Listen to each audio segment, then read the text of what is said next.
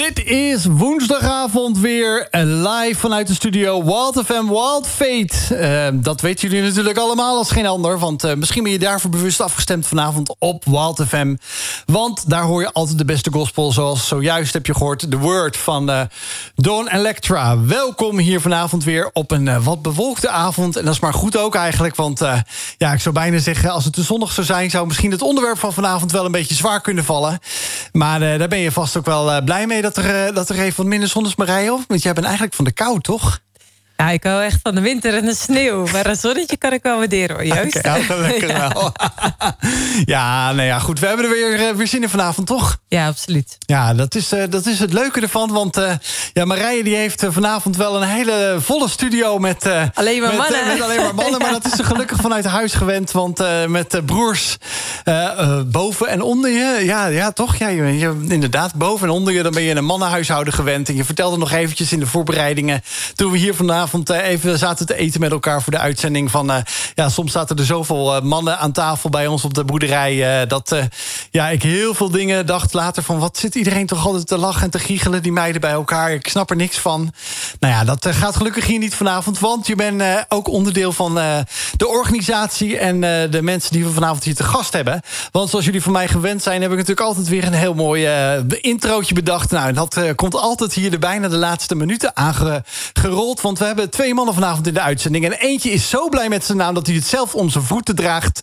Uh, met het, merkschoenen wat hij aan heeft. Dus dat kan je niet anders raden dan dat het Bjorn is. Niet jo Bjorn Borg, maar een andere Bjorn. En we hebben iemand die heel erg blij wordt vanavond. Want hij is een echte visual man. En hij zit hier in de radiostudio. Maar gelukkig hebben we audio, visual, radio. Als je meekijkt via de socials, via live, uh, via de Facebook of via de Instagram uh, of Wild FM.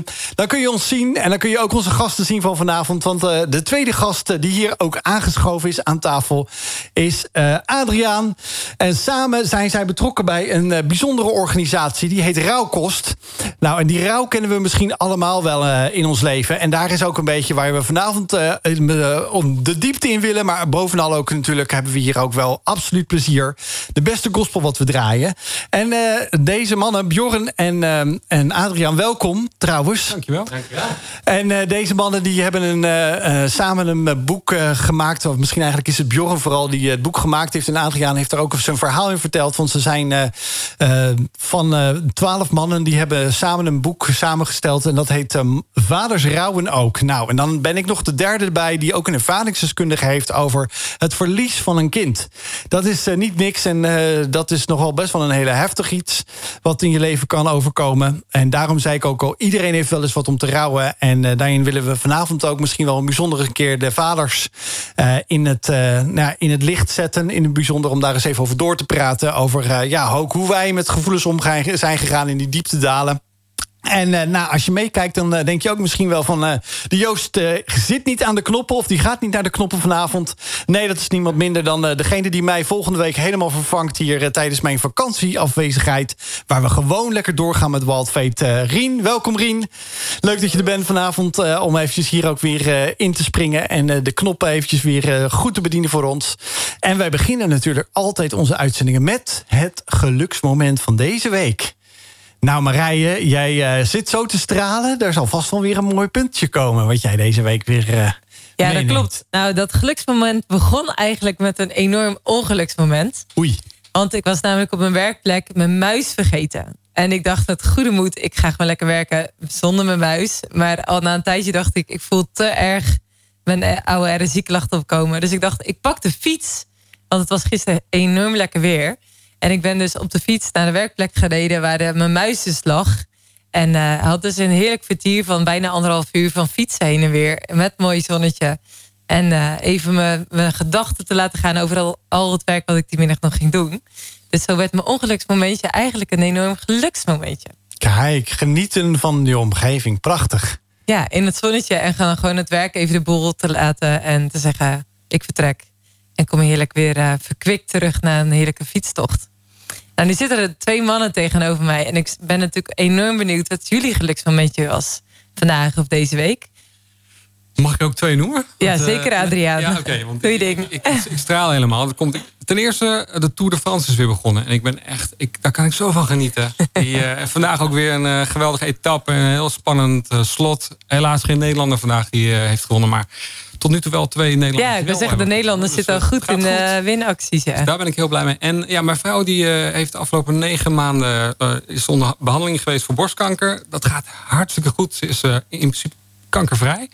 Maar ze moet nog de laatste loodjes zijn dan de bestralingen. Daarvoor moet ze elke dag naar het ziekenhuis in Alkmaar.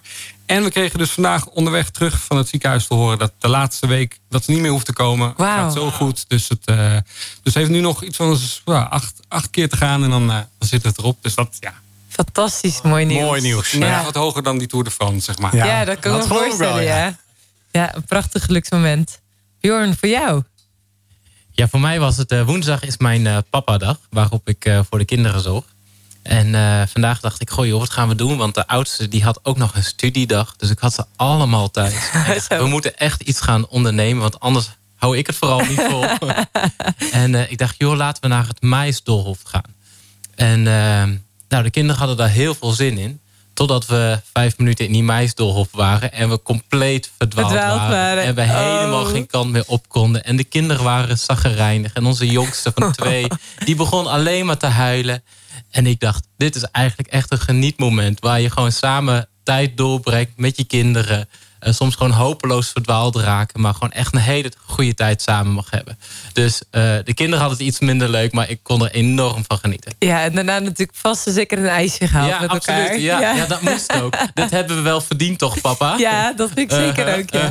Ik kan helemaal met ze meevoelen. Ja, zeker. Ja. Hey, en Joost, voor jou? Ja, ik heb uh, iemand uh, vandaag heeft me in het zonnetje gezet hier. Dat is juist nog geen uh, paar uur geleden dat iemand researchwerk gedaan heeft.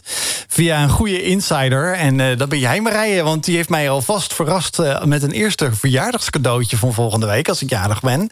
En helaas er niet bent. Dus jij hebt dat al goed voorbereid. En jij, jij hebt ook een beetje je belofte waargemaakt. Dus het is ook weer je betrouwbaarheid die daarin uh, zegeviert, Marije. Want je zei, ik ben, er, ik ben er nooit helemaal zo alert op. En dat is soms een gave dat je, dat je attent kan zijn. Dat heb je heel goed gedaan. Met heerlijke lekkernijen uit uh, je omgeving waar je waarschijnlijk woont. Want daar heb je mooi, mooi, iets moois van gemaakt. En daar ga ik heerlijk van genieten op mijn vakantie. Want dat gaan we zeker meenemen. En het mooiste is dat ja, als we dan denken aan de muziek... dan denk ik zo aan deze gave plaat die klaar staat. Want dat gaat over de, de zegen en de dankbaarheid die we hebben. Het geluksmomentje. The Blessing van Toby Mac. En dat nummer heet The Goodness. Dat was The Goodness van Toby Mac. We zitten vandaag in de radiostudio met uh, Bjorn en Adriaan. En het is echt fantastisch dat zij hier vanavond zijn.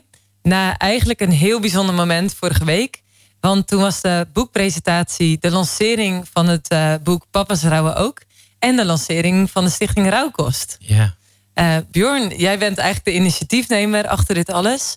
Kun je ons eens meenemen in ja, het ontstaan eigenlijk van, van Stichting Rouwkost en het boek? Jazeker. In uh, november 2018 uh, bevielen we geheel onverwachts van onze uh, meisjes Anna en Lin. waren in verwachting van één eigen tweeling.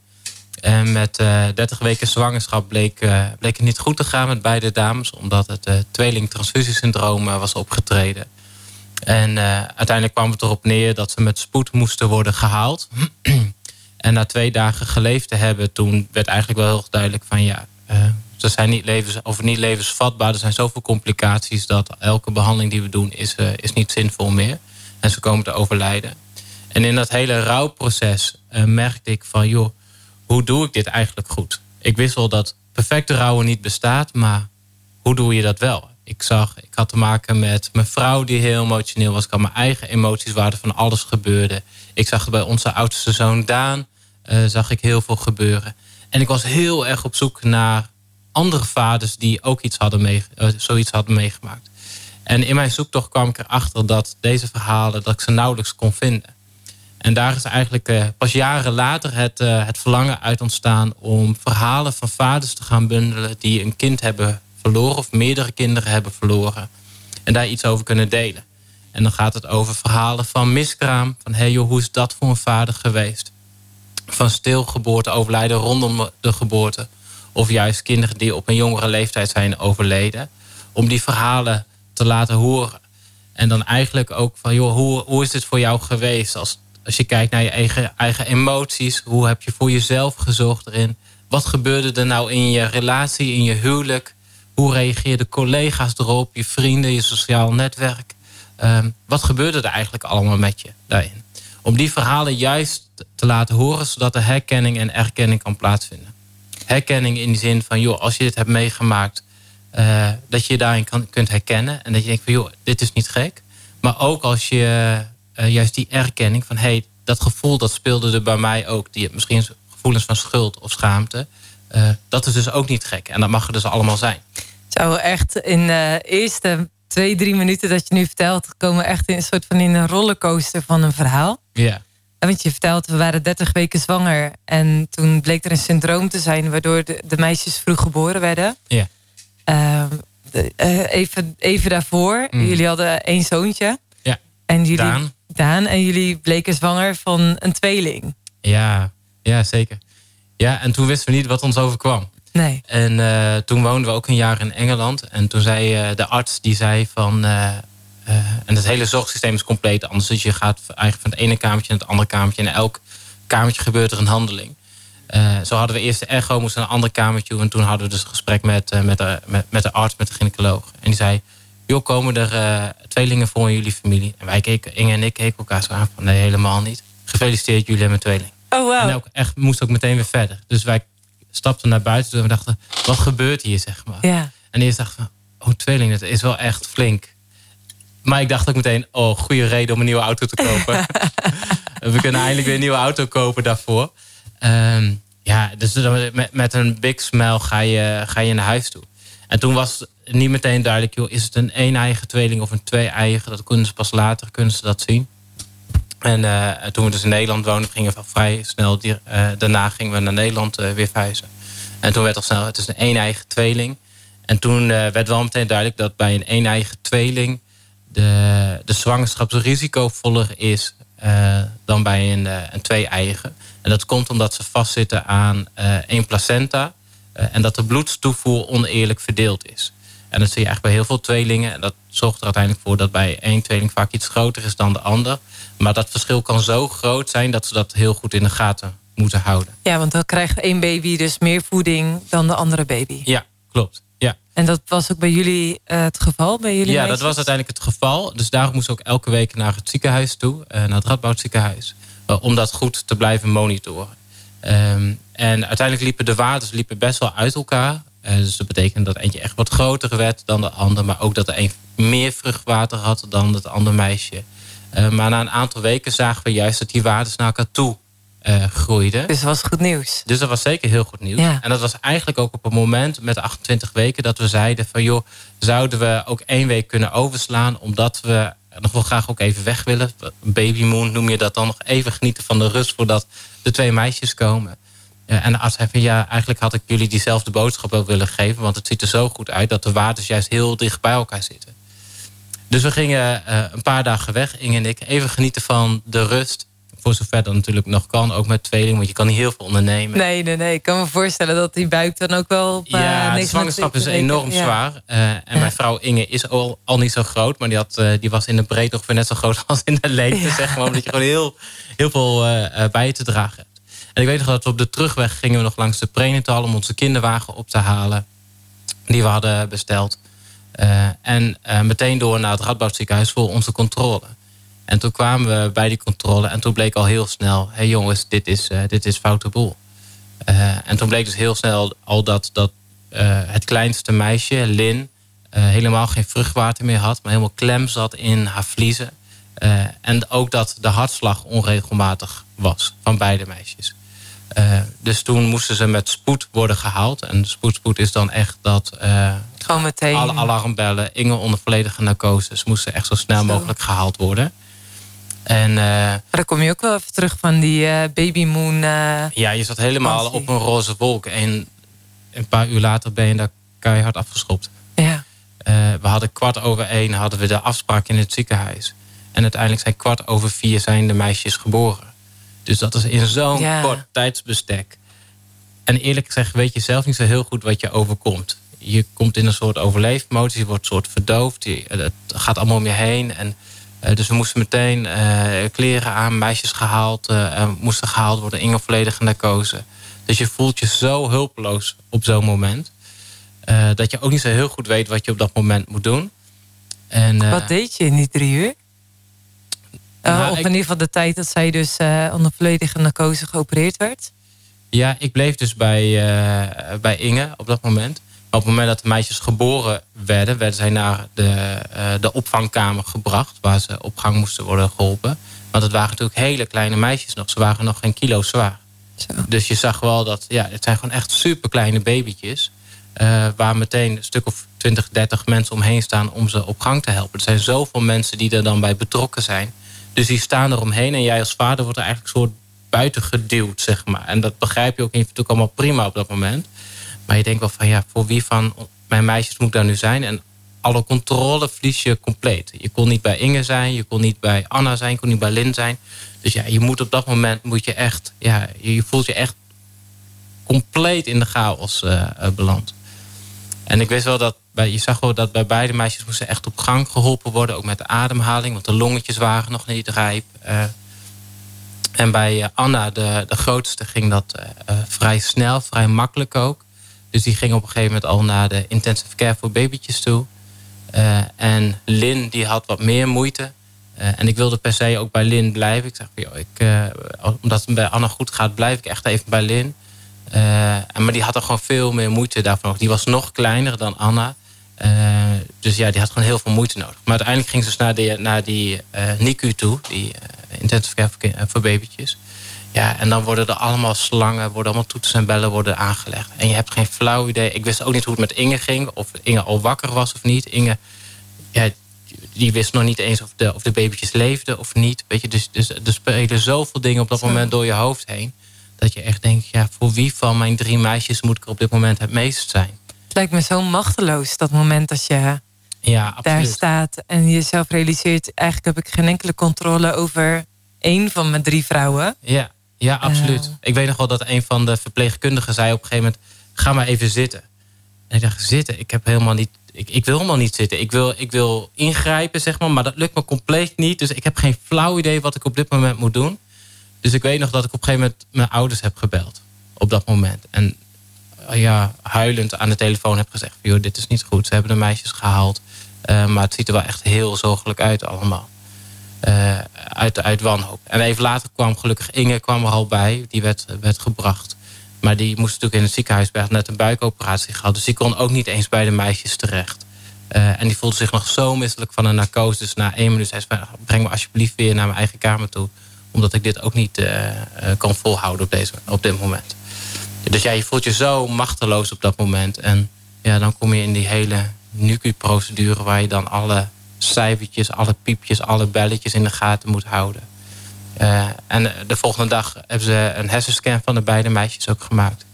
En toen werd uh, duidelijk bij, uh, bij Anna in eerste instantie dat ze zeiden van joh, bij Anna is een hersenbloeding gezien. En dat was het sterkste meisje voor het oog? Het sterkste meisje, ja. ja. Um, en toen was de, de boodschap van joh, je krijgt een meervoudig gehandicapt mee naar huis toe. Ja, en dat was voor mij eerlijk gezegd wel een nachtmerrie die werkelijkheid werd. Want ik wist van ja, dit gaat zo mijn leven compleet overhoop halen. Dat gaat er zo anders uitkomen zien. Dat daar is zoveel zorg en hulp voor nodig. Ik weet niet of ik dat wel ga trekken. En nu denk ik, met terugwerkende kracht, had ik maar een meervoudig gehandicapt kindje mee naar huis genomen. Dan had ik in ieder geval iets gehad.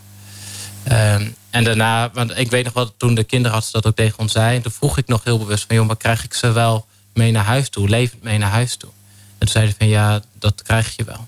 Maar nog geen zes uur later moest ze afscheid nemen van Anna. Omdat het gewoon echt niet goed ging. En de vitale organen werkten niet. Ze konden bloeddruk uiteindelijk niet meer omhoog halen. Dus alles zwakte af in haar lichaam. En eigenlijk was haar hart te sterk om het bloed uh, goed te kunnen rondpompen daarin. Waar die bij Lin te zwak was, uh, daar ook in. Dus ja, dan moet je... Op een gegeven moment werden we midden in de nacht werden we wakker gemaakt. Van joh, jullie moeten nu uh, afscheid nemen van Anna. Omdat ze nu komt te overlijden. Dus Inge met bed en al word je daar naartoe gereden. Ja, en dan wordt ze langzaam afgekoppeld van de, van de buisjes, van de slangetjes. en uiteindelijk ook van de beademing. Ja, en dan moet je afscheid nemen. en dat, dat is zo gek, want je hebt zoveel woorden die je eigenlijk zo graag tegen je kind wil zeggen, eh, die je eigenlijk de rest van je leven eh, tegen haar wil zeggen. En die, als het ware heb je die, hebben we die nu helemaal uitgeperst, zeg maar, in die paar minuten die we hadden. Want wat wilde je tegen haar zeggen? Hoe mooi ze was, hoe, hoe trots ik op haar ben, uh, hoeveel we van haar houden, hoe geliefd ze is. Ehm, ja, en, en het heel gek is, dat was ook het eerste moment dat we haar vast konden houden. Dus het eerste moment dat je je dochter kan vasthouden... is ook het laatste moment waarop zijn leven is. Ja, en dat voelt zo gek. Dat je op dat moment afscheid moet nemen van je meisjes waar je zo naar uit hebt gekeken. Ja, want uiteindelijk uh, moet je niet alleen afscheid nemen van Anne... maar ook van Lin. Ja. ja, de volgende dag kregen we... en dat is eigenlijk ook heel bizar... want ik moest naar het gemeentehuis toe om aangifte te doen van een geboorte... maar ook alweer aangifte doen van het overlijden van Anna... En terwijl ik onderweg was, belde Inge op en zei van... joh, het gaat ook heel slecht met Lin. Je moet op dit moment echt terugkomen nu naar het ziekenhuis toe. Ja, en toen was de kinderarts, die had uh, opnieuw een hersenscan gemaakt van Lin. En uh, die zei van, uh, die heeft ook een hersenbloeding nu gehad de afgelopen 24 uur. Maar die is zo groot, daar komt ze aan te overlijden. Daarin. Ja, want je, op dat moment dat je Anna verliest, ga je eigenlijk meteen door. Maar laten we dan wel met Lin naar huis toe gaan. Dus dat laatste sprankje hoop wat je ergens nog hebt. Van hey, laat alsjeblieft dan wel met één kindje dan uit toe gaan. Ook die werd keihard onderuit geschopt. En dan blijf je met lege handen blijf je eh, over. Voor Lin hadden we gelukkig wel uh, wat tijd om afscheid te kunnen nemen. Maar op een gegeven moment stelde de arts de vraag... op welk tijdstip zullen we de behandeling gaan stoppen? Ja, en dat is de meest lastige vraag die ooit in mijn leven is gesteld. Het moment waarop je moet beslissen dit is het moment waarop mijn dochter komt overlijden. Ja, dat is de meest verschrikkelijke nachtmerrie die, die ooit uh, die mij als, als, vader is gesteld. We mochten, doordat we nog wat tijd hadden, wel ook onze uh, ouders langs laten komen. Want die verliest natuurlijk ook een kleinkind mm. erin. Maar ook Daan mocht langs uh, komen. En ik weet nog, toen Daan binnenkwam, toen ze, zag hij ook een lege couveuse. En toen zei hij van, en waar is Anna? En toen moest ik als vader vertellen van ja, Anna is op dit moment in de hemel bij de Heer Jezus. Maar ook vertellen, joh, Lin gaat er zo ook naartoe. En ja, dan breekt je hart. Het moment dat zo'n kleintje vraagt van joh, waar, waar, waar is ze? Maar wat hij toen zei, en dat vergeet ik nooit meer. En daarmee brak mijn hart weer opnieuw. Hij zei van joh, mag ik haar brengen? Mag ik Lin naar de Heer Jezus toe brengen? Ja, en dan breekt je vaderhart in een miljoen stukjes. Omdat je, je ziet dan ook je kind rouw, zeg maar, en omgaan met dit pijn en dit verlies. Ja, en dat is verschrikkelijk. Ja, ik denk dat daar, ik heb daar geen woorden voor. Als ik zo het hmm. verhaal hoor, gewoon hè, de blijde verwachting langs de prenatal rijden. Yeah. Vervolgens uh, op gewoon controle gaan. En nou ja, binnen 24 uur dus van blijde verwachting naar ja, het grote verlies te gaan. Yeah. We gaan straks uh, meer horen ook over het verhaal van Adriaan. Dankjewel voor je verhaal en uh, je openheid hierin. Mm. Dat was No Longer Slaves. Welkom terug bij Wild Fate. Vanavond heb ik in de studio uh, Bjorn en Adriaan. En zij delen beide eigenlijk een heel indrukwekkend verhaal. Uh, als je nu aanhaakt, Bjorn die vertelde net over de zwangerschap van een tweeling. Twee prachtige jonge meisjes. Twee meisjes die ze verwachten in 2018. En die door een ja, bepaald syndroom vroeger gehaald moesten worden. En daarna ook heel kort daarna ook overleden. En dus, eh, hij is initiatiefnemer van, uh, van het boek Papa's Rouwen ook. En uh, daar gaan we vanavond over in gesprek. En Adriaan is een van de mannen die ook zijn verhaal doet in het boek als vader die ook een kind verloor. Bjorn, in het eerste blokje vertelde hij al iets over ja, de zoektocht naar ervaringsverhalen van andere vaders. Ook in de thema's waar je tegenaan liep. Hmm. Um, je bent toen dit boek gaan schrijven. Dat was een idee wat je had. Wat je zei tegen je vrouw van, ja, dit ga ik doen. Yeah. En zij dacht, uh, wellicht kom je daar nog een keertje op terug. Uh, maar daar kwam je op terug. En hoe? Ja. Kun, je, kun je ons eens uh, vertellen over hoe je op zoek gegaan bent naar al die vaders die ook hun verhaal wilden delen rondom hun verlieservaring? Ja. Nou ja, ik merkte in mijn eigen rouwproces dat ik dat het eigenlijk een heel eenzaam proces is geweest omdat ik Inge wel zag rouwen, mijn vrouw. En ik zag Daan rouwen. En ik, ik wilde voor iedereen wilde ik aanwezig zijn. Uh, maar ik merkte dus, hey, ik, ik verwerk dit ook heel anders dan dat Inge dat doet, mijn vrouw dat doet. en daar was ik dus echt op zoek naar dus die andere verhalen van vaders. maar ik kon ze maar niet vinden. En dat vond ik eigenlijk heel gek. Omdat je toch ziet dat er heel veel pijn is, heel veel stilverdriet is als het gaat over dit onderwerp. en de cijfers ook niet liegen. Als je kijkt naar de mensen die uiteindelijk uit elkaar gaan, uh, liggen vele malen hoger. Cijfers van depressie liggen vele malen hoger. Burn-out, zelfmoord liggen vele malen hoger. En daarom dat ik dacht van joh, dit is zo ontzettend belangrijk om ook die vaders aan het woord te laten komen. dus ik ging op zoek inderdaad naar vaders. En ik kende zelf al een aantal van, van wie ik wist van joh, je hebt een miskraam meegemaakt of je hebt een soortgelijk verhaal als mij. Ehm, ja, en uiteindelijk ging dat heel snel als een soort olievlek verspreidde zich dat. Waarin uh, vaders ook op mijn pad kwamen. Ik op, op andere vaders pad kwam. Van joh, zou je alsjeblieft je verhaal willen delen? En, en merkte je ook dat ze daarop aangingen? Dat ze merkten, ja, ik was ook op zoek naar houvast of naar richtlijnen of naar tips of gewoon naar andere mannen die dit soort dingen meegemaakt hebben. Vertel me jouw verhaal. Merkte je dat ze daar zo enthousiast over waren? Of, of zeiden ik wil hier aan meewerken? Uh, het merendeel wel. Ja, absoluut. Zei ook van, ik heb dit echt gemist. Uh, daarom wil ik ook heel erg meewerken. Uh, maar er waren bijvoorbeeld ook vaders die zeiden van... joh, heb ik wel iets bij te dragen? Uh, ik heb het gewoon gerouwd en ik heb het gewoon op mijn manier gedaan. Nou, Adriaan, jij bent er ook eentje van. Ja, Ad Adriaan, ik ben ook benieuwd naar, naar jouw verhaal. Hoe, hoe ben jij in aanraking gekomen met Bjorn? Nou, ik werd op een gegeven moment gebeld door Bjorn. En... Um uh, met de vraag of ik uh, ervoor open stond om, uh, om mijn verhaal te vertellen. Um, nou, weet je, en ik, ik, ik heb zelf, ja, doe ook het een en ander met, met, met geloofsverhalen. Ik, ik, ik heb heel veel mensen gevraagd om, om hun verhaal te vertellen. soms ook best wel persoonlijke dingen. Dus toen, toen die vraag kwam van Bjorn, dacht ik van ja, dan kan ik niet zeggen van ja, nee, daar heb ik niet zoveel zin in. Of vind ik een beetje te spannend. Dus ik heb gezegd, nou is goed, als jij denkt dat jij wat aan mijn verhaal hebt. ik wil het aan je vertellen. En dan kun je zelf bepalen of het iets is voor, voor, de, voor het boek. Ja, want wat is jouw verhaal? Ja, ik, ik, ik heb eigenlijk twee keer te maken gehad met, met verlies. De eerste keer eh, was in 2018 en toen hebben we een, eh, een miskraam, met een miskraam te maken gehad met, met 13 weken. Dat was, toen hadden we inmiddels al één kind. Dus dat was. Um, ja, dat is net na het moment dat je eigenlijk iedereen vertelt.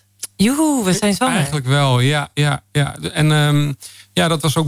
En, dat had totaal niet zien aankomen. Um, het was, ja, de e-, eerste zwangerschap was heel, gewoon heel goed gegaan. En uh, meteen uh, na het proberen gelukt. Uh, gezond kind. En eigenlijk ja, zagen we dat niet aankomen. Dus dat, dus dat was wel. Het is misschien ook wel iets waarvan elk mens denkt: dat overkomt mij nooit. Ja, dat denk ik ook. Ja. En je gaat inderdaad gewoon naar de echo met het idee van: nou het zal, het zal goed zijn, we zijn benieuwd. Uh, we gaan het hartje horen kloppen. Je, je, bent enthousiast en dan krijg je ineens uh, te horen van ja, het, uh, we denken dat het niet goed is. En ja, dan moet je een week wachten om te checken of het kindje inderdaad gegroeid is of niet. En dan toen kregen we de boodschap dat het, dat het kind inderdaad was, was overleden. Dat het, het vruchtje niet, niet had gehouden. Dus dat was, dat was de eerste keer. Maar de tweede keer dat, uh, dat was recenter, in 2013. En toen uh, hebben we een eh, kindje verloren met 23 weken. We hadden inmiddels al drie kinderen. Um, twee meiden, de oudste waren twee meiden en toen een jongen. Dus we waren echt in blije verwachting van nog een jongen. De 20 weken echo zag alles er prima uit. We dachten van nou, fantastisch, onze, onze Levi krijgt een maatje. Um, en dan, en dan ja, en ineens een telefoontje dat, dat mijn vrouw bij een routinecheck dat, dat er eh, geen hartklop, uh, hartje was niet, uh, niet te horen. Niet. Dat was er niet. Dus toen uh, ja, naar het ziekenhuis. En dan krijg je inderdaad de bevestiging dat het, het kindje is overleden in de buik. Maar 23 weken, dan ben je bijna zes maanden zwanger. Ja. en, dan, dan voelde ze het kindje ook al in de buik. Ja, dan is het wel. ja, dan ben je al zo ver op weg dat je, dat je toch veel meer al een voorstelling gaat maken van uh, dat het uh, ja, dat je straks in je armen krijgt. Ja. En uh, ja, dus dat, ja, en dat, dat, dat, dat, dat we hadden inderdaad dat kindje al gevoeld. Je hebt al geluisterd, je hebt het al. ja, en uiteindelijk nou, is, is het kindje ook, is Ruben ook, ook geboren. Um, in het ziekenhuis. Dat is dan opgewekt. En, dus ik heb, ik heb Ruben ook daadwerkelijk in mijn handen gehad. En ja, wat jij ook net vertelde, Bjorn, over dat, dat, is, dat is misschien wel het meest indrukwekkende moment. Dat je, dat je, ondanks dat je een overleden kindje in je handen hebt, dan is het wel gewoon jouw kind wat in jouw armen ligt. En wat, wat heel concreet, ja, dan komt het verlies wel echt heel concreet binnen. En ja, dus dat, dat is mijn verhaal. Dat is ons verhaal. En, en als het verlies binnenkomt, wat komt er dan binnen? Ja, het, wat komt er binnen? Um, het verdriet, het, uh, het, het, gemis eigenlijk van, uh, van het kind wat je, wat je zo graag uh, op deze aarde had, had willen ontmoeten, die, die had willen wegwijs willen maken in de wereld. ik, ik, ik, um, ik had natuurlijk al drie kinderen, dus ik wist ook wel ongeveer hoe het zou zijn om vader te zijn van, van Ruben. En um, ja, het is dan wel gewoon, het is wel heel keihard eigenlijk op dat moment. Ja. En ook wel de, de, de realisatie dat het, het, het maatje van Levi, die je gedroomd had voor hem, die je gewenst had, dat die, dat, dat niet, uh, het niet tot stand kwam ook daarin. Ja, ja. ja dat, dat is zo. En, en, en um, ja, je, je, je, weet uiteindelijk of je nou een meisje of een jongen krijgt. Hè, dat, dat, daar ben je dankbaar voor op zo'n moment. Maar het, het, was wel extra speciaal dat, hè, dat Ruben uh, en, en Levi met elkaar zouden opgroeien. En dat, dat ze. we hoopten echt dat ze gewoon goede maatjes zouden worden. En dat ze, dat ze leuk zouden hebben met elkaar. Dat ze samen zouden voetballen. Dat ze echt samen zouden opgroeien. En ja, je hebt ook weet je, we, we, hadden echt het verlangen naar het kind. Het was, uh, het, het, was, het was echt gewenst en welkom. Ja. en, en het was bij een controle uh, dat ze daar achter kwamen. En dan kom je wellicht in zo'n rollercoaster van oké, wat nu dan? Het kindje, de, de bevalling wordt opgewekt. Uh, maar je hebt het niet alleen over jou en je vrouw. Je had ook nog drie andere kinderen. Net zoals dat Bjorn net vertelde over Daan. Um, dit komt natuurlijk echt als donderslag bij helder hemel. Ja, dat, dat, dat, uh, dat, dat, is zeker zo. En dan, dan heb je ook te maken met kinderen die, die verdriet hebben. En ja, ze waren nog wel redelijk jong, maar onze oudste was destijds, nou ja, waren acht jaar. Dus die, die beseften het al, al echt wel. Um, ja, dus dan, dan probeer, je, probeer je gewoon zo goed ja, probeer er gewoon te zijn voor je kinderen. En te kijken van hoe, hoe gaan zij daarmee om. Um, waar kan je, kan je ze ondersteunen? Waar kan je, kan je er voor ze zijn? Um, ja, dus dat is voor hun was het ook een, een, groot gemis. En eigenlijk ook een ervaring met, met rouw, met verlies. Ja, voor kinderen is het ook. Die, die, kunnen er soms ook wel heel jong mee te maken krijgen. Ik, had, ik heb zelf, ben zelf een van acht. allemaal gezond, opgegroeid. geen ziekte, niks in de familie. Dus eigenlijk, ik, ik had er zelf ook nooit mee te maken gehad eigenlijk. Eh, maar mijn kinderen hebben dat wel eh, al, al jong moeten ervaren. En eh, je probeert dan op zo'n moment te zijn voor ze. En, maar ja, ze schakelen ook wel weer heel snel. Hè? Het zijn ook kinderen die... Ehm, ja, dus dat is, ook, dat, dat, is ook gewoon soms even zoeken van... Nou ja, wat, wat speelt er? En hebben ze behoefte aan een gesprek? Of hebben ze moeten ze gewoon af en toe naar McDonald's worden meegenomen om, om even een leuk momentje te hebben. Ja, we gaan er straks meer over praten met elkaar. Over rouwen, hoe je dat ook met je gezin doet, maar ook voor jezelf. En we gaan nu eerst luisteren naar muziek, naar Found. Welkom terug bij Wild Fate hier op Wild FM. We zijn in gesprek met uh, Bjorn en Adriaan over... Uh, ja, een, uh, misschien wel een beetje beladen thema vind je wel. Over papa's rouwen ook. Nou, ik ben er ook eentje van. En Adriaan die eindigt eigenlijk ook eventjes van... ja, je moet de aandacht op, op iedereen hebben. En ook op de kinderen die hij al had... voordat zijn laatste zoon Ruben overleed. en dat hij zei van ja, daar, daar weet je ook soms niet mee om te gaan. En dan dat je denkt, moet ik naar de McDonald's? Nou, wij hebben dat dus ook gehad. Weliswaar 16 jaar geleden was er maar zoveel informatie toen te vinden over uh, papa's uh, die rouwen. Want dat was er toen veel minder. Ik denk ook wel dat de social media's daar wel een hele bijzondere bijdrage hebben gegeven om uh, makkelijker mensen te kunnen traceren.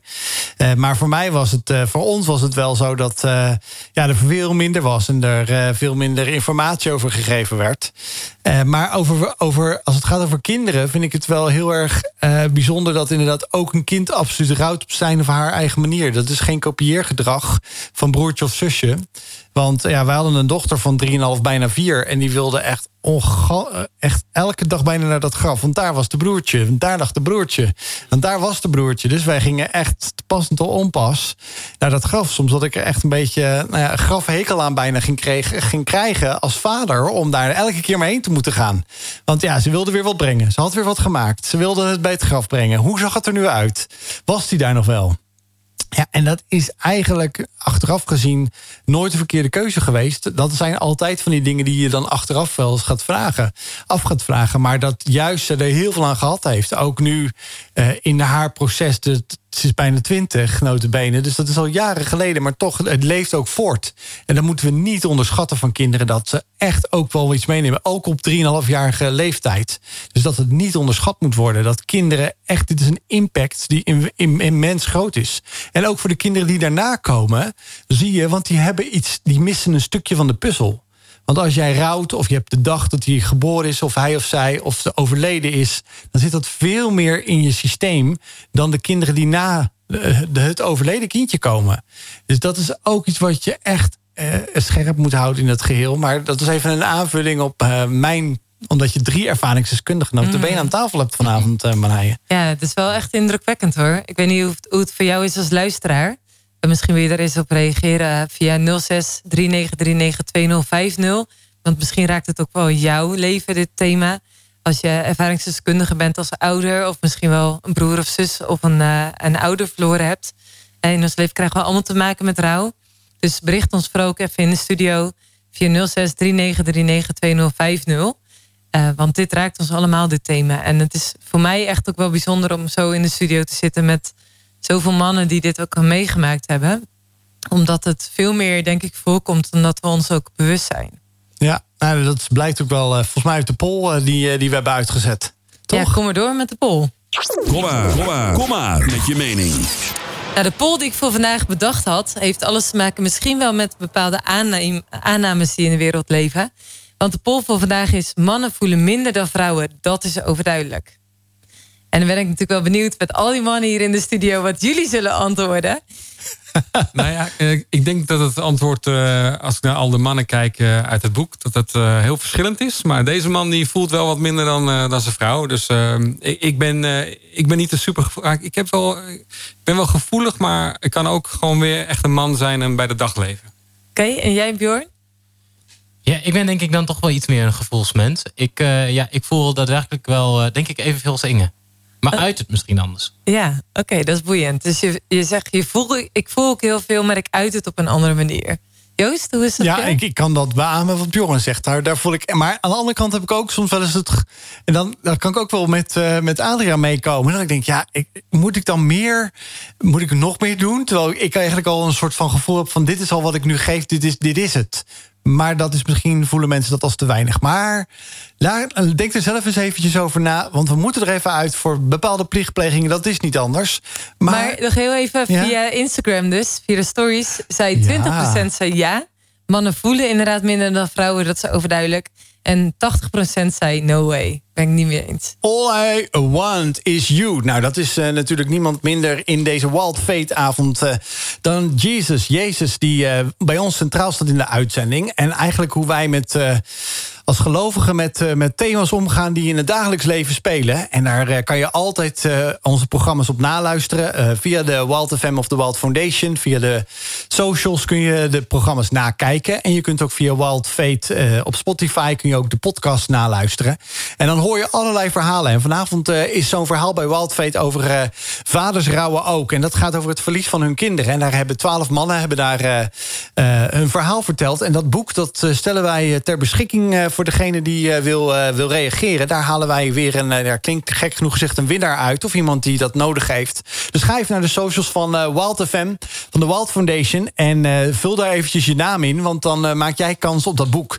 Misschien voor jezelf. Of zoals ze onerbiedig sommigen wel zeggen. Ik vraag het voor een vriend. Dan mag je het ook zelf gaan lezen eerst. Om eh, daarna misschien die vriend te helpen. Die die rouw heeft. Want eh, het is nog wel een pittig onderwerp. Ja, dus ga dan even naar de stories van de socials. Want daar kun je namen invullen voor het boek Papa's Rouwen ook. Ja, bedankt Marij voor deze aanvulling. Geweldig dat je dat uh, weer uh, zo fantastisch doet. Je ziet er weer stralend uit vandaag. Als tweede beste uh, geklede presentatrice natuurlijk. Ja, dankjewel. Volgens mij was je vandaag ook op pad. Misschien wel met, met een van je ondernemingen ergens een, een job gedaan. nou, dat zie je weer. je ziet er weer stralend uit. Nou, dankjewel Joost. Ja, ik heb Ja. een complimentje weer in de pocket. Kijk, check. maar ik ben wel heel erg benieuwd naar het item van de tijdmachine van deze week. Ja, want eh, we hebben Adriaan en, eh, en Bjorn hier in de uitzending vanavond. En één van de twee die gaat op die knop drukken, want hij gaat ons meenemen in dat verhaal. En ik zie in één keer iemand kijken, moet ik dat drukken? Ja, dat mag je. Ja, hier zit die knop. Ja, en daar gaan we hoor. Hoppakee, in die tijdmachine. Want wij gaan terug in een bijbelverhaal waar Adriaan ons mee naartoe gaat nemen. De deur gaat open en dan eh, gaan we eens eventjes kijken, Adriaan... want we gaan ons klaarmaken voor die reis, want eh, we gaan een heel en terug. Dus wij zijn er klaar voor. Waar ga jij ons naar, mee naartoe terugnemen? Naar welke periode uit de Bijbel? Oud of Nieuw Testament? Nieuwe Testament. Het Nieuwe Testament. We gaan ons klaarmaken voor het Nieuwe Testament en we gaan aftellen. Om naar welke periode te gaan? eh, welk verhaal ga je ons meenemen? Ik ga jullie meenemen naar eh, een verhaal vlak nadat eh Jezus naar de hemel was gegaan. Oké, nou dan gaan we daar nu heen. Stellen het in. En we stappen nu uit in dat verhaal waar jij ons mee gaat nemen dat Jezus net naar de hemel gegaan is. Ik ben heel benieuwd hoe jij ons als luisteraars meeneemt vanavond in jouw verhaal, Adriaan. Ja, want er waren twee mannen, Paulus en Silas, die, eh, die vol enthousiasme vertelden overal waar ze kwamen over wat, wat, wat die Jezus had gedaan, wat, wat voor impact hij had gehad op hun leven, op de levens van mensen die ze, waar ze mee, dagelijks mee optrokken. En eh, ja, dat werd niet altijd hun in dank afgenomen. En ze kwamen op een gegeven moment in een stad eh, en eh, daar, eh, daar werden ze niet welkom geheten. Daar werden ze met stenen bekogeld en werden ze zelfs gevangen genomen. En uiteindelijk kwamen ze dus in de gevangenis terecht en ze, ze kregen boeien om. En ehm, ja, het was geen, geen prettige situatie, kan je je iets bij voorstellen. Maar het was rond middernacht. En die Paulus en Silas, dat, dat waren echt mannen die, die hadden heel veel meegemaakt. Het was niet hun eerste keer in de gevangenis. Het was niet de eerste keer dat ze stenen naar hun hoofd hadden gegooid gekregen. Dus vanuit het, gewoon de, de liefde die ze hadden voor, voor God, voor Jezus, begonnen ze te zingen. Ze gingen gewoon zingen. En terwijl andere mensen hè, gevangen om hen heen zaten... die zaten vol verwondering te luisteren naar die twee mannen. En ze begonnen te zingen. En ze, ze loofden God. Ze, ze prijsden God voor wie die was. In die gevangenis, terwijl ze die, eh, eh, die boeien om hadden. Hè. Kan je iets bij voorstellen? Nou, weet je wat er toen gebeurde? Die gevangenis, die begon gewoon te schudden. De aarde begon te schudden. En die boeien, die, die vielen gewoon af. En de deur van de gevangenis, die ging gewoon open. Hè? Dat is ongelooflijk. En het, eh, ze, konden gewoon gaan. Maar ik denk dat ze dat niet eens meteen deden. Want eh, op een gegeven moment kwam de gevangenisbewaarder... werd min of meer wakker. En die, die realiseerde zich van... shit, het, eh, wat is hier gebeurd? Ik zie geen gevangenen. Ik, eh, ik, moet hier, ik, ik, ik ga mezelf van kant maken. Want straks krijg ik de schuld hiervan. En dan word ik zelf eh, gestenigd. Maar Paulus en Silas zagen dat ze zeggen... nee, nee, nee, nee, we zijn er nog. We zijn er nog. En uiteindelijk, die gevangenbewaarder die was zo onder de indruk. Die, die zegt, joh, vertel me meer. Hoe kan ik die God die dit heeft veroorzaakt... hoe kan ik die God leren kennen? En Paulus en Silas vertellen, vertellen de gevangenbewaarder... en zijn familie over die God. En ze dopen hem. En, eh, en uiteindelijk de volgende dag... Paulus en Silas mochten weer gaan. En het liep allemaal heel bijzonder af. Maar het begon dat ze begonnen te zingen voor God. En dat ze eigenlijk in hun ja, shit situatie als het ware. Gewoon besloten, weet je, we, hebben genoeg om, om voor te danken. En we gaan God zelfs eh, met een lied bedanken voor wat hij in ons leven heeft gedaan. En eh, toen dacht God van, eh, nou, dat vind ik eigenlijk wel zo mooi. Ik ga even wat bijzonders doen. Nou, Adrian nam ons net mee in de tijdmachine. En we gingen naar de tijd terug in het boek Handelingen. Een van de 66 66 boeken uit de Bijbel. En je kunt het verhaal dus teruglezen in Handelingen 16 vanaf vers 14. Waarin je dus ziet dat in de shit van het leven... Paulus en eh, Silas zaten in de gevangenis. Juist in de shit, in de, in de moeite, in het gevangen zitten letterlijk. In een situatie gingen zij God prijzen en God loven. Nou, in het eerste uur horen we het verhaal van Bjorn, van eh, Adriaan, van Joost. Alle drie ervaringsdeskundigen in het verliezen van een kind of meerdere kinderen. Ehm, nou, al heb je het over een shit situatie, is dat het ook wel. Ehm, ja, ik kan me voorstellen dat in dat soort situaties ja, de God prijzen en loven, waarover je net vertelde, Adriaan, nou niet echt hetgeen is wat heel erg voor de hand liggend is. hey, een, een kind of meerdere kinderen in jouw geval overlijden. Nee. Uh, hoe deel je daarmee uh, als christen uh, richting God? Ja, dan kijk dan uh, op zo'n moment, ja, dan, dan is niet, dat niet het eerste wat bij je opkomt om God te prijzen. Ik kan me herinneren, de eerste dagen daarna um, ben je dan. Ik heb wel echt gewoon mijn, mijn hoop en mijn verwachting uh, echt in God ge, gezocht. En ik, dat waren, het was wel het moment waarin ik dacht van joh, nu, nu gaat het er wel even om, zeg maar, in mijn geloof. Nu heb ik die God die ik eigenlijk ook dagelijks uh, volg en die, uh, waar ik mooie momenten mee mee, die heb ik nu wel even heel hard nodig. Ja, had je niet het gevoel, god, ik ben er helemaal klaar mee, doei? Nee, nee, want eigenlijk, nee, weet je, ik, ik, ik heb geen moment eigenlijk God de schuld gegeven voor, voor wat er is gebeurd. Dat, uh, weet je, ik, ik heb God zo, zo, op zoveel mooie manieren in mijn leven meegemaakt. Dat, en ik, ik, ik ken hem toch wel als een, als een goede God. Dat, dat ja, dit, dit hoort gewoon bij het lijden van het leven. En ik, als christen ben ik daar niet ja, uh, ja, dan ben ik daar ook onderdeel van, als het ware. Van, ja, mij, uh, hè, en, en ik geloof wel dat God me so, soms bewaart voor, voor, voor vervelende, voor shit situaties. Maar het betekent niet dat er niks kan gebeuren. En dit is, dit is gewoon iets wat mij en ons is overkomen. En waar ik uh, ja, mijn weg in moet vinden. Het, was wel soms even zoeken van ja, wat je gaat wel soms even zoeken. Hebben we iets gedaan? Of, wat, wat uh, is er iets wat, waar we mee bezig zijn? Wat, uh, waardoor er misschien uh, een tegenstander is die daar niet blij mee is. En dat, dat, je gaat wel allerlei vragen komen wel naar boven. Maar ik heb gewoon vooral Gods vrede gezocht. En niet, niet meteen naar allerlei antwoorden. En die vrede, die, die, ja, die, die vond ik wel in God. En die vond ik ook in mensen, medechristenen, die, weet je, die er gewoon waren op dat moment. Waar ik ook gewoon God in, in in zag. Gewoon in mensen die, die er voor ons waren. Die met, met een pannetje eten kwamen. Of die, uh, die voor ons baden. Of die een, een mooie kaart schreven. Weet je, dat, dat uh, ja. Ik denk dat de luisteraar, als je nu meeluistert. En je realiseert jezelf. Het leven gaat niet altijd over rozen. Uh, wat is dan je toevlucht? Of hoe deel je daar zelf ook mee? En jij zegt van, juist ook in die shitperiode... Uh, kende ik God al. Ik had al zoveel van hem gezien in mijn leven. Dat hij God is en dat hij goed is. Uh, waardoor je ook merkte, juist door die heftige momenten in je leven van het overlijden van twee kinderen, dat je daarin ook merkt, hé, maar God was erbij. Ik kon vrede ervaren. Ja, ja absoluut. Is ja. dat niet iets heel bijzonders? Dat je zegt, zelfs in die grootste shit in mijn leven kon ik dus een vorm van rust ervaren of vrede? Nou, ik vind het wel heel bijzonder. En, en het, het heeft me misschien wel geholpen om, om, uh, om ook niet meer bang te zijn voor andere dingen die, die kunnen gebeuren. Want je kan je natuurlijk allerlei dingen gaan bedenken. Uh, maar ik heb wel gezien in zo'n moeilijke momentfase van, van mijn leven... dat, dat ik wel die, die vrede van God uh, heb ervaren. En, en ervaren dat hij er was dan uh, dat, dat geeft me wel veel vertrouwen. Uh, want ja, ik zal nog wel vaker met, met rouw en met moeilijkheden te maken hebben. Dat, dat hoort ook gewoon bij het leven. Nou, je deelde aan het begin al dat je dankbaar was ja. dat je vrouw ja. Ja, uh, uitbehandeld was. Dus jullie hebben wel een portie hebben, op je bord gehad. Nou ja, zeker. Ja. Rauwheid en heftigheid. Ja, ja, ja. Som, ik, weet niet, ik weet niet of je dat ook ziet, Adriaan, maar ik, ik, zal niet zeggen dat. Het, klinkt een beetje als Job. Uh, want dat is ook iemand die in de Bijbel staat. die heel veel te verduren heeft gehad. En dan dat je ook wel eens denkt van. Um, ja, oneerbiedig gezegd zie ik ook wel soms vrienden om me heen. Er gaat echt bijna alles over rozen. Wel over rozen. Dan denk ik, zou ook daarin ook God natuurlijk mij gevormd hebben.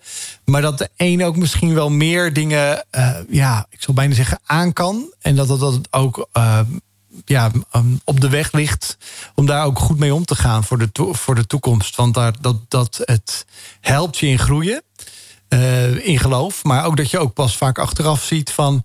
ja, ik ben blij dat ik dus dat geloof al had. Want dat zie ik pas later met die helikopterview. Maar hoe, hoe zie je dat? Zie je dat ook een beetje zo van...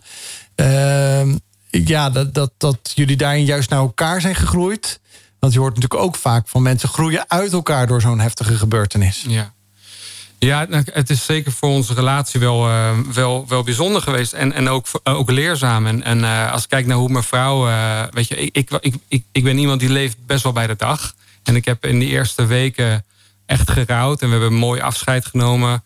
Maar op een gegeven moment was het toch weer... Ja, ging ik weer in, over tot, bijna tot de orde van de dag. En niet dat het geen plek... dat ik er nooit meer aan dacht. Maar eigenlijk was ik wel gewoon weer volop bezig met zorgen, uh, met voor de andere kinderen werk en noem maar op.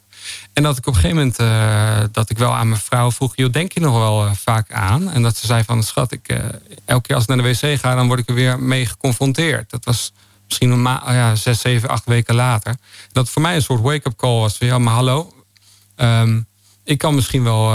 ik zit anders in elkaar dan mijn vrouw. En ik moet haar wel. ik moet gevoeliger zijn. En ik moet. en ik heb ook geleerd om soms gewoon mijn mond te houden en haar een knuffel te geven. En niet proberen alles soort recht te praten of, of goed ja, dingen uh, te zeggen om haar maar beter te voelen. Maar gewoon mijn mond te houden en zeggen, joh, een knuffel geven. En dat was op dat moment dan genoeg. En dat ik dacht nou, dat uh, ja. Zo bijzonder dat, het, dat ja, het gewoon even mocht zijn. Dat, dat je er zag ja. dat je jezelf verbond met haar. Ook al kon je het niet oplossen of niet mooier maken.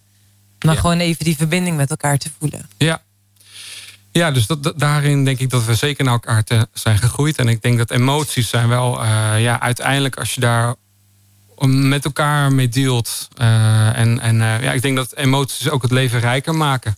hoe zie jij dat, Bjorn? Nou ja, ik ben wel heel boos geweest hoor. Ja. ja, als we het hebben ook over God, dan ben ik wel flink boos geweest op God. Ja, ik had ook wel mijn geschiedenis met God. ja, je bent ook voorganger. Je, oh, vreselijk, je, ja. We waren toen net bezig met een nieuwe gemeente, een nieuwe kerk uh, te starten in Nijmegen. En uh, oh, wat ben ik boos geweest. Ja. ja, dus die rust waar Adriaan het over, over heeft... ja, die periodes die ontbrak bij mij zeker wel. Ja, waarin ik echt dacht van, maar waar bent u nu dan? U was er op de momenten dat het juist heel goed gaat... maar waar bent u dan op de momenten dat het niet goed gaat? En waar was die? Ja, dat is een goede vraag. Um, Kijk, ik heb theologie gestudeerd. Dus ik weet wel hoe het zit als het gaat over lijden. Maar in dit geval krijgt lijden een gezicht. En in ons geval twee gezichtjes. En dan kun je nog zoveel gestudeerd hebben. Dan kun je nog zoveel weten van... oh ja, zo steekt de wereld in elkaar. Maar je wereld wordt compleet overhoop gehaald. Um, dus daar moet je weer opnieuw doorheen. Door al die vragen heen. En ik weet nog dat ik bij mezelf op een gegeven moment dacht... van, word ik bitter of word ik beter? Want als ik daar niets mee ga doen... dan dan keert me dat van God af, dan drijft me dat van God af. En dat is ook wat bij heel veel mensen gebeurt. Hè? Dat heel veel mensen juist het geloof wel zeggen, omdat ze juist zoveel pijn in hun leven hebben meegemaakt dat ze dat niet kunnen rijmen met wie God is. Ik kan me dat wel voorstellen. Ja, hoe, hoe dun was die, uh, die scheidslijn van jou van tussen bitter en beter? Nou, ik was in het begin wel heel bitter. Ja, ja absoluut. En wanneer kwam het ik, ik, was boos op God, maar ik denk vooral teleurgesteld in God. Hmm. Omdat het beeld wat ik had van wie God is niet rijmde met de situatie wat me net overkwam. Want, wat was je beeld? Nou, mijn idee was dus van, oké, God is goed. Alle dingen gaan dan als het ware een soort voor de wind. En als je tot geloof komt, dan gaan dingen wel beter met je. Dan ben je een soort happy clappy, zeg maar. In die omgeving bevind ik me ook wel een beetje. Maar dit was gewoon ruw, dit is pijnlijk. Hier wordt gewoon het meest dierbare wordt je ontnomen. Juist op het moment waarin je gelooft dat je gehoorzaam bent aan God... door een kerk te gaan beginnen en dan opeens wordt het compleet onderuit gehaald. Maar dat neigt een beetje naar voor wat hoort wat. God, ik doe iets goeds. Ik verwacht daarvoor eigenlijk ook terug dat mijn leven voor de wind gaat. Ja, maar ook dat je weet dat er zoveel mensen voor je aan het bidden waren op dat moment. Op dat moment waren gewoon hele kerken waren voor ons aan het bidden. Ja, en bidden dus betekent nou, ja, dat ze God vroegen... Heer, wilt u ingrijpen? Wilt u ja. de, de meisjes laten leven? Wilt u een wonder doen? Dat is Zeker. wat ze baden. Ja, dus God had een kans om in te grijpen. En dat heeft hij niet gedaan. Dus die waarom-vraag, ja, die speelde een hele belangrijke rol. Een hele belangrijke rol. En wat was het moment dat het van dat vraagstuk, of die, want je, je bent nog steeds voorganger. Mhm. Dus ergens is God met jou in het reinen gekomen of andersom. Wat, wat maakte dat? Wat, wat, wat bracht je op die weg naar beter in plaats van bitter? Nou, op, op een gegeven moment ehm, was ik, uh, had ik gesprek ook met een coach die me ook hielp. En dat was ook een christelijke coach. En op een gegeven moment uh, waren we ze ook in, in, in gebed. Uh, waren we aan het bidden. En op een gegeven moment had ik het idee dat ik een soort, ja, een soort plaatje van God voor me kreeg. En ik had bijna het idee dat, dat God heel letterlijk tegen mij zei van als iemand weet wat het betekent om een kind te verliezen, dan ben ik het zelf. Ik die mijn zoon Jezus moest laten gaan. Die stierf. En dat heeft me zo, zo getroost. Heeft niet alle waarom-vragen weggenomen, maar heeft dat wel het zwijgen opgelegd. Dus die enorme drang naar de waarom, hoe zit het nu? Dat is echt naar de achtergrond geraakt, omdat ik weet van als iemand met mij mee kan voelen, als iemand met mij mee kan huilen, als iemand met mij een arm om mij heen slaat, dan is het God zelf. Welkom terug bij Wild Fate, uh, hier bij Wild FM. We zijn in gesprek met uh, Adriaan en Bjorn over uh, een boek waar de schrijver zit. Maar als Bjorn heeft het geschreven en Adriaan heeft ook zijn verhaal als een van de twaalf vaders gegeven over papa's rouwen ook. En dat boek, als je daar belangstelling voor hebt, zij stellen een boek beschikbaar. En die kan je via de story van Wild FM en de Wild Foundation kun je daar even je naam voor opgeven. Zodat jij misschien wel een van degenen bent die dat boek toegestuurd gestuurd krijgt. Want het is uh, eigenlijk vers van de pers, pas vorige week donderdag uh, gepresenteerd en gelanceerd, dat boek. En uh, voor, voor de muziek hoorde je eigenlijk even kort zeggen van ja, de momenten waar Adriaan en, en Bjorn ook de, ja, noem maar even, de rust hebben gekregen over misschien ook wel, ik zou bijna zeggen, de start van het verwerkingsproces. daadwerkelijk, het, daadwerkelijk even een ja, een, nieuwe start geven van hoe ga ik leven met uh, dit verlies van mijn kind of kinderen. Uh, de, afhankelijk van de situatie. Uh, voor mij is het één kind, voor zowel Adriaan als, als Bjorn zijn er twee kinderen die ze verloren hebben. ja, voor mijzelf was dat eigenlijk de, de, degene dat een van mijn beste vrienden gewoon bij me kwam zitten en niks zei. Hij zei helemaal niks. Ik krijg, nog, echt serieus kippenvel van.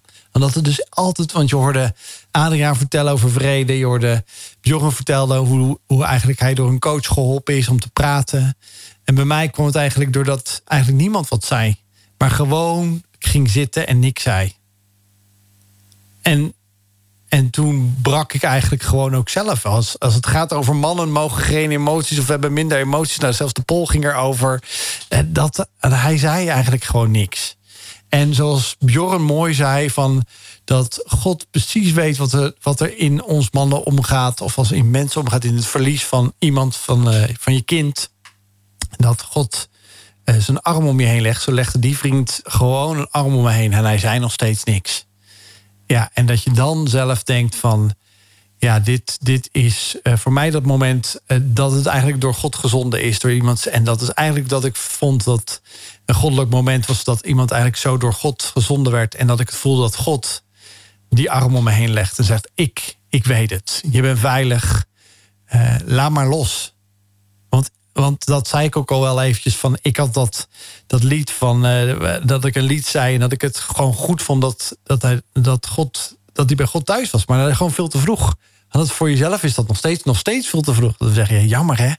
Ja, hij zou nou 16 zijn geworden. Wat, uh, dan zou hij zijn scooter misschien wel hebben gereden. Of uh, wat voor een opleiding zou hij hebben gedaan. Ja, en dan leeft ook zo'n kind zo in, of kinderen in je voort. En dan kom je elke keer kom je die markeringsmomenten tegen. En dat is ook goed.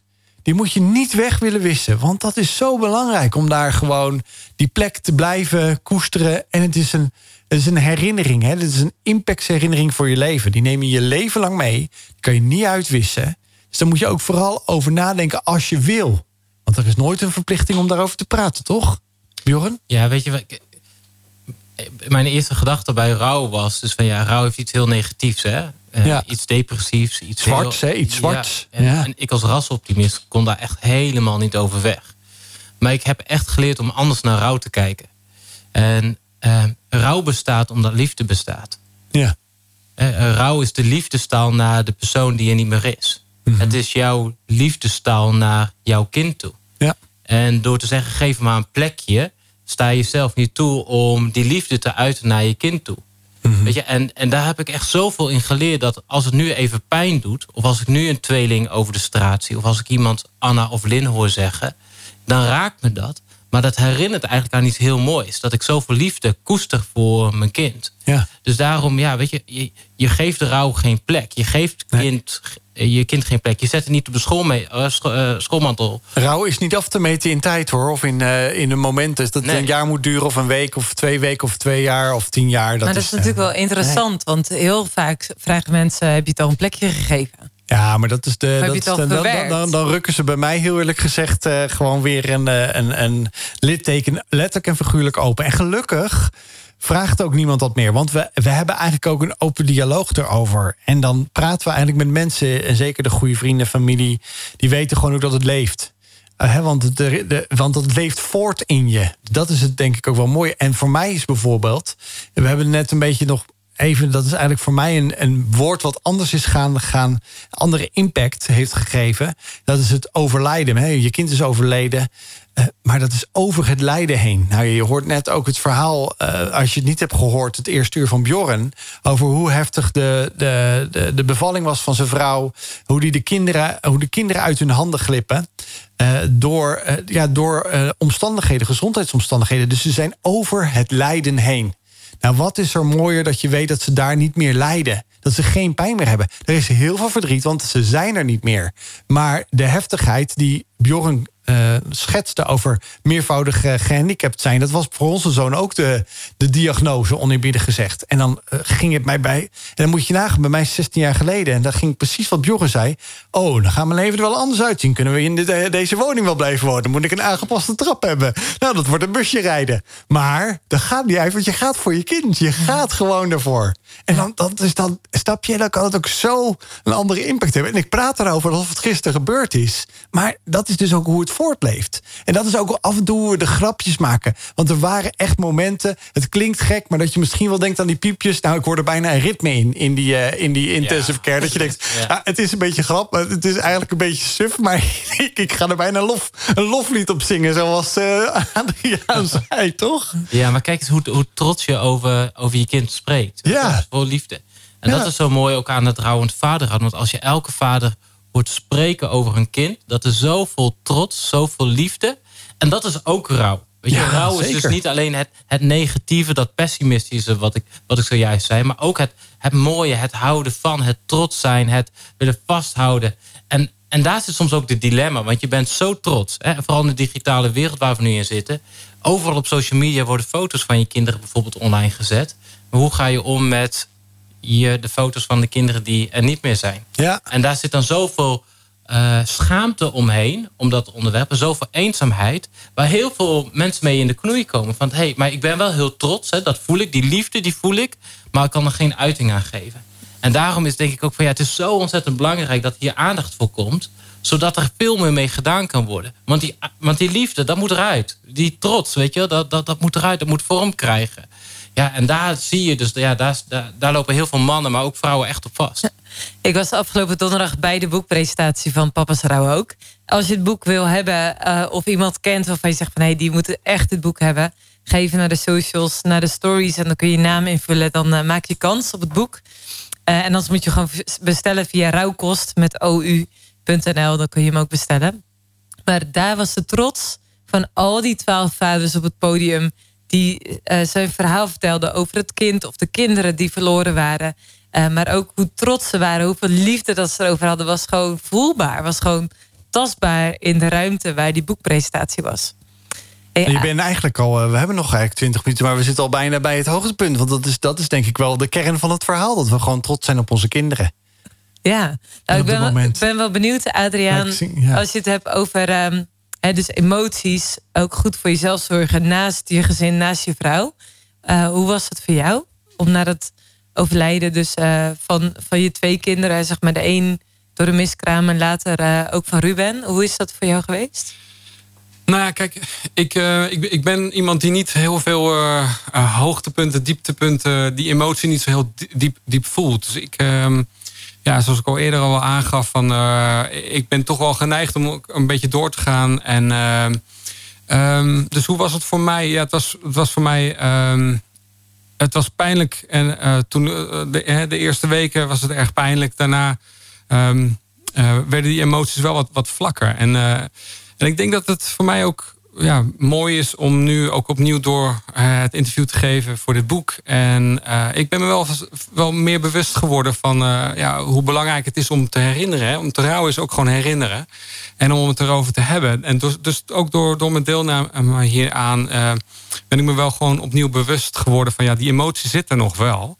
Ehm, en, en, en het is mooi om die af en toe naar boven te halen. Om, om, om wel wat meer rituele ehm, ja, erin, te, erin te krijgen, zeg maar. Um, belangrijk, ja, dat is gewoon heel belangrijk. En ik, ik heb, uh, ja, ik, bijvoorbeeld, uh, ja, we hebben een heel mooi plekje in de natuur uh, in de buurt van waar ik woon, waar, waar Ruben begraven ligt. en, dat is, en daar ga ik regelmatig met mijn mountainbike langs. En dan, dan, dan, dan, dan, sta ik daar en dan laat ik het gewoon even, even binnenkomen. En ja, de ene keer sta ik daar toch met een glimlach. Dat ik inderdaad dat trotse gevoel heb van, ik heb nog een kind Ruben is in de hemel en op een dag ga ik hem ontmoeten. Dat, dat geloof ik. En andere momenten raak ik dan even geëmotioneerd. Um, maar ik, uh, ja, ik, ik, uh, dat is een beetje hoe de emoties bij mij uh, soms, soms, soms komen en, en weer gaan. Ja. En wat zou je iemand adviseren die te maken heeft met rouw in zijn leven, in zijn of haar leven? Wat zou je iemand dan mee willen geven vanuit jouw reis van rouw? Um, ik, zou, ik zou aangeven, joh. Um, uh, neem gewoon iemand in vertrouwen. Vertel je, zoek misschien iemand op die het, die, die het ook heeft meegemaakt. Die met je mee kan, kan voelen. En die, en die je durft ook vragen te stellen. Dat kan bijvoorbeeld via de maatjes op de website van rouwkost.nl. Ja, uh, -hmm. Precies. Dat, dat zou denk ik... Uh, en, en ja, die emotie als man... ja, misschien voel je niet of, of je stopt het weg. Maar, maar, maar probeer er gewoon met iemand over te praten. En, en, en weet je, ik denk dat mensen over het algemeen wel moeilijk vinden om over het onderwerp te praten. Maar als jij daar als eerste over begint, is het voor de ander wel veel makkelijker om. om hè, want er zijn zoveel toch wel lieve, goede mensen om je heen die, die wel iets voor je willen betekenen. Hè. Dat hebben we ook wel ervaren. Maar soms weten mensen het niet helemaal. Hè. Of, of, uh, of is het gewoon, ja. Uh, en, en soms kun je gewoon daar zelf een, een, uh, kan je een voorzetje geven. ja, is het dan ook goed om voor jezelf ook te beseffen dat het voor jou ook goed is om erover te praten. En dat andere mensen zich misschien ongemakkelijk voelen of zich niet op willen dringen. Dat je daarin ook je eigen behoefte ook kenbaar maakt. Of in ieder geval die drempel verlaagt ook voor de ander om erover te praten. Ja, dat, dat is eigenlijk wat ik, uh, wat, ik, wat ik je kan aanraden dan. Als je het, uh, ja, dat, dat zou mijn tip zijn. Ja. Mooi. En we zijn in gesprek met eh, Adriaan en uh, Bjorn over hun boek Vader, uh, Papa's Rouwen ook. Nou ja, we hebben ook nog een ervaringsdeskundige die spreekt nu achter de microfoon. Dus we zitten hier met drie mannen die wel zo'n verhaal met zich meebrengen. En we hadden het net voor de, voor de muziek eventjes over van hoe belangrijk het is om, ja, zou ik maar zeggen, de opening te krijgen om erover te praten. Om ja, je emoties een plek te geven, om daar ook mee om te gaan. En dat het rouwen, dat is niet een periode van een maand of afgemeten uh, tien weken. Dat is je leven lang eigenlijk. Want rouwen is een proces, een emotie. Uh, zoals Bjorn mooi zei, dat, uh, dat, dat, daar, mag je alles in, daar mag alles in plaatsvinden. Want rouwen is niet per definitie zwart en moeilijk en donker. Maar dat is ook, mag ook gelachen worden in die rouwperiode. Absoluut. Toch? Ja, ja, ja. Maar volgens mij hebben we ook nog veel meer mogelijkheden om, uh, om te zien wat jullie eigenlijk uh, en te horen wat jullie uh, ja, hebben gestart als, als misschien wel een nieuwe community. want jij hebt zelf dat onderzoek een beetje gedaan van ja, je zocht naar verhalen, je zocht naar informatie. Van eh, ik wil meer, meer weten van hoe gaan andere vaders daarmee om. Uh, toen niet direct gevonden, daar is het boeken gevolg van. Maar is daar nog meer uitgerold dan alleen het boek? Ja, joh, ja kijk, de, de reacties op, op het aankondigen van het boek is echt overweldigend geweest. En ik denk dat we dit echt niet hebben zien aankomen dat dit zo groot kon gaan worden. Uh, dus het is eigenlijk wel gruwelijk uit de handen gelopen. Okay. Um, omdat gewoon blijkt van ja, hier is heel weinig aandacht voor. Dus we hebben zoveel hmm. reacties van vaders gehad. Maar ook van moeders, uh, van uh, zorgprofessionals. Die zeggen, help ons alsjeblieft met het thema. En dat heeft ons wel doen besluiten van... ja, hier moet een stichting opgericht worden. Hier moet mee, uh, meer mee gedaan worden. Vandaar dat we Stichting Rouwkost hebben opgericht. Ook afgelopen donderdag hebben we die gepresenteerd. En die stichting heeft echt als doel... we willen ouders ondersteunen. Uh, we willen niet alleen maar uh, een mooi theorieverhaaltje horen... maar we willen gewoon naast ouders staan, met ouders meewandelen... ze ondersteunen in dat hele moeilijke proces van rouw. Dat hele lastige landschap misschien ook wel van rouw. Van hey, hoe doe je dit? En hier willen we gewoon naast je staan. We willen een arm om je heen slaan en samen met je mee gaan lopen. Uh, dus daar hebben we heel veel praktische dingen voor. maar we willen ook inderdaad wat meer op emotioneel manier... en geestelijke manier willen ze ondersteunen. Mooi, dat is rouwkost.nl. Daar kan je sowieso de, de, de, informatie vinden. Ja, dan kun je dus het boek bestellen, rouwkost.nl. Uh, maar dan kun je ook veel meer weten over uh, uh, de stichting. Dus de net, werd net al even de Maatjesproject werd genoemd. Als je bijvoorbeeld gewoon de behoefte hebt om eens met iemand een stukje te gaan hardlopen... of een biertje te gaan drinken... of met een echtpaar, een andere echtpaar... wat ook een kindje heeft verloren... dus gewoon eens ervaringen uit te wisselen... eh, dan bieden we die aan. Uh, op een hele laagdrempelige manier. Het is geen counseling. Het is, niet, nee, het is gewoon op een hele laagdrempelige manier... met andere ouders in gesprek gaan uh, over het verlies van je kind. Ja, heel kostbaar sowieso. En even een belangrijke noot. Rouwkost is dus niet met AU als in sla... maar rouwkost is met OU van rouwen. Ja, juist. Anders kom je niet op de website uit. Ja, ja, ja, ja. En ik heb, ik heb ook begrepen dat er... ik wil zeggen, heeft Adriaan de visuals gedaan... maar dat er ook een documentaire is, is gemaakt... of in de maak is over het thema. Ja, absoluut. Nou, wat we, wat we merkten in, dit hele, uh, in het schrijven van dit boek... is dat bij de interviews, en Adriaan kan het wellicht uh, beamen... maar dat er heel veel loskwam bij deze vaders. En dat er ook best wel wat emoties loskwam uh, bij deze vaders. dat we dachten van, joh, het is zo goed om niet alleen maar dat op papier te hebben... maar ook in beeld te brengen, wat doet dit nou eigenlijk? En laten we heel eerlijk zijn, niet elke man is een lezer. sterker nog, de man is de slechtste lezer. Dus het is niet heel marketingtechnisch wijs om een boek te gaan Zo, schrijven. Sowieso is heel Nederland slechte lezers aan het worden hoor. Dus dat, die zijn alleen maar luisteraars en kijkers tegenwoordig. Precies, precies. Dus daar, vandaar dus ook de documentaire... waarin vijf mannen met elkaar in gesprek gaan... hey, wat heeft dat nou voor jou betekend, dat verliezen van je, van je kind? Um, en laten we daar met elkaar over in gesprek gaan. En wat Adriaan net, net zei, van, juist dat gesprek aangaan met iemand... kan dan zo helpend zijn. En dat zie je gebeuren in die hele documentaire. Waarin vaders elkaar gewoon aanvoelen van... ja, ik weet waar je doorheen gaat. Ik heb het zelf ook meegemaakt. Dus je ziet op een gegeven moment gewoon mannen elkaar... gewoon een arm om elkaar heen slaan. Of gewoon knikkend of meeleven met die andere vader... als ze het hebben over van... hey joh, hoe is het geweest voor je andere kinderen? Of wat is er eigenlijk gebeurd in je, in je relatie, in je huwelijk? Of wat heb je eigenlijk gedaan met je emoties en hoe je voor jezelf hebt gezorgd. Dus het is een hele echte, ruwe documentaire waar echt vaders uh, vertellen van hey, hoe is dit voor mij geweest, het verlies van mijn kind. Echte rouwkost. Ja, ja, zeker. Ja, jij hebt hem af, Marij, je hebt hem afgelopen uh, donderdag voor het eerst gezien toen hij in première ging. Ja. Hoe vond je hem? Ja, ik vind het heel indrukwekkend hoe open die mannen spreken. Zo met elkaar in dat gesprek. Waarin je dus een heel intiem inkijkje krijgt in, in, in zo'n kwetsbaar thema. Hmm. Dus ik vond het heel erg indrukwekkend. Ja, dat heeft uh, diepe indruk op me gemaakt. Ja. Nou, dat merkte ik ook in de zaal, zeg maar. Ik was natuurlijk een van de velen die erbij waren. Je zag gewoon dat er echt heel erg veel gebeurde. Ja. En, en dat, dat, is, dat is in ieder geval iets moois om naar uit te kijken dan nog wat gaat komen. Nou, je krijgt daarbij echt, denk ik, een uniek kijkje in het rouwend vaderhart. Uh, waar heel veel, heel veel mensen zo zicht op proberen te krijgen. En dat zie je gewoon in die documentaires die dat voorbij komen. Ja, ja dus de documentaire staat deels op de website. Ja. En in het boek zijn verschillende QR-codes dat mensen een verdiepend interview kunnen zien, zeg maar, als ze aan het lezen zijn. Ja, ja. ook dat nog. Ja. Mooi.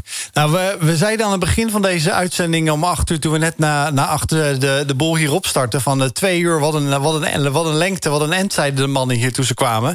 Maar we zijn er bijna zitten we wel weer aan het eind van deze aflevering... Uh, met de bijzondere gasten die we vanavond weer in ons midden hebben uh, weten te vinden, Marije. Maar ik ben eigenlijk nog wel heel benieuwd eventjes of dat zowel Adriaan als Bjorn...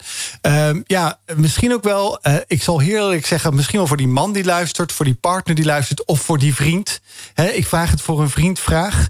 dat misschien beide jullie wel nog een tip hebben... Die, die ook in jullie hart brandt als afsluiter... voor in ieder geval ook dit verhaal af te ronden van uh, wat jullie zouden meegeven als belangrijkste of als een belangrijke tool uh, om, om ja, de, het gesprek te openen of, of mee met dit thema aan de slag te gaan? Ja, het eerste waar ik het denk, maar dat is gewoon voor als je iemand kent in je omgeving die, die rouwt. Uh, zou, ik, zou, ik zou je vooral willen aanmoedigen om heel concreet te zijn. vaak horen we wel eens van, joh, als er iets is, laat het dan weten of trek aan de bel. Maar wees alsjeblieft gewoon heel concreet. Uh, zeg bijvoorbeeld, joh, deze week elke avond als je om zes uur uh, de voordeur open doet... staat er een pan met warm eten staat voor je klaar. Uh, en er wordt ook weer voor gezorgd dat weer opgehaald wordt. dat is concreet. Want het is heel lastig vaak voor ouders of voor mannen... maar ook voor vrouwen om hulp te vragen, per definitie. en als je dan zegt van, joh, geef het maar aan... dat gaan ouders vaak niet doen. Dus wees maar gewoon heel concreet. hey joh, elke avond staat er om zes uur staat een pan eten voor je klaar. Daar hoef je niet naar om te kijken. Hele mooie tip. Adriaan, heb jij ook nog een uh, goede tip? Nou, ik heb nog een mooi boek uh, hier liggen. nou ja, kijk, ik, ik denk, uh, dat is natuurlijk een beetje een inkoppertje. ga het boek lezen. Um, maar het is wel een mooie kans om misschien in je, in je veilige omgeving...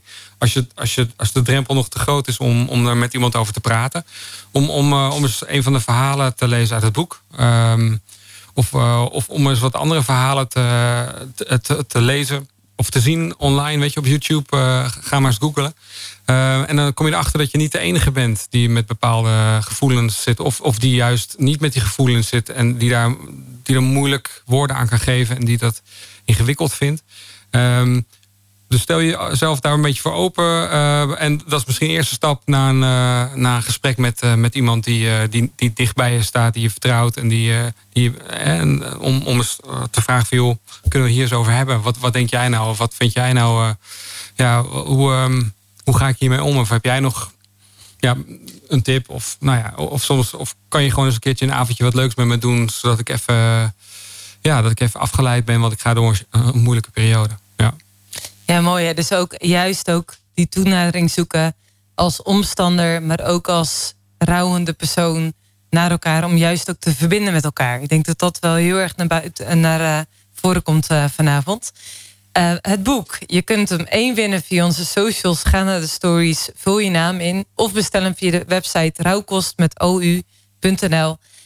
wat je daar kunt zien, ook als je naar wat, wat, wat we doen op de website kun je zien meer informatie over het Maatjesproject, over de documentaire. En bovendien zijn er nog twee ja, komende evenementen ook dit jaar. Dus de, organisatie is meteen booming. Het is gewoon uh, gigantisch wat ze allemaal uh, uit de kast trekken om van betekenis te zijn. En dat is enerzijds het symposium op zoek naar, naar wegwijzers. Dat is voor zorgprofessionals, HR-medewerkers, therapeuten, coaches, maatschappelijk werkers of iedereen die met mensen werken die dus te maken hebben met rouw. Uh, of vrijdag 18 november. En daarnaast is er eind september via 4M, de vierde musketier, samen door Dalen een weekend voor mannen die te maken hebben met rouw. Check die informatie en laat je verrijken in dat alles. En dan zijn we aan het einde gekomen van een indrukwekkende avond. En we willen graag afsluiten met het nummer I Will Carry You. Ik denk de mooiste troost die je kunt vinden.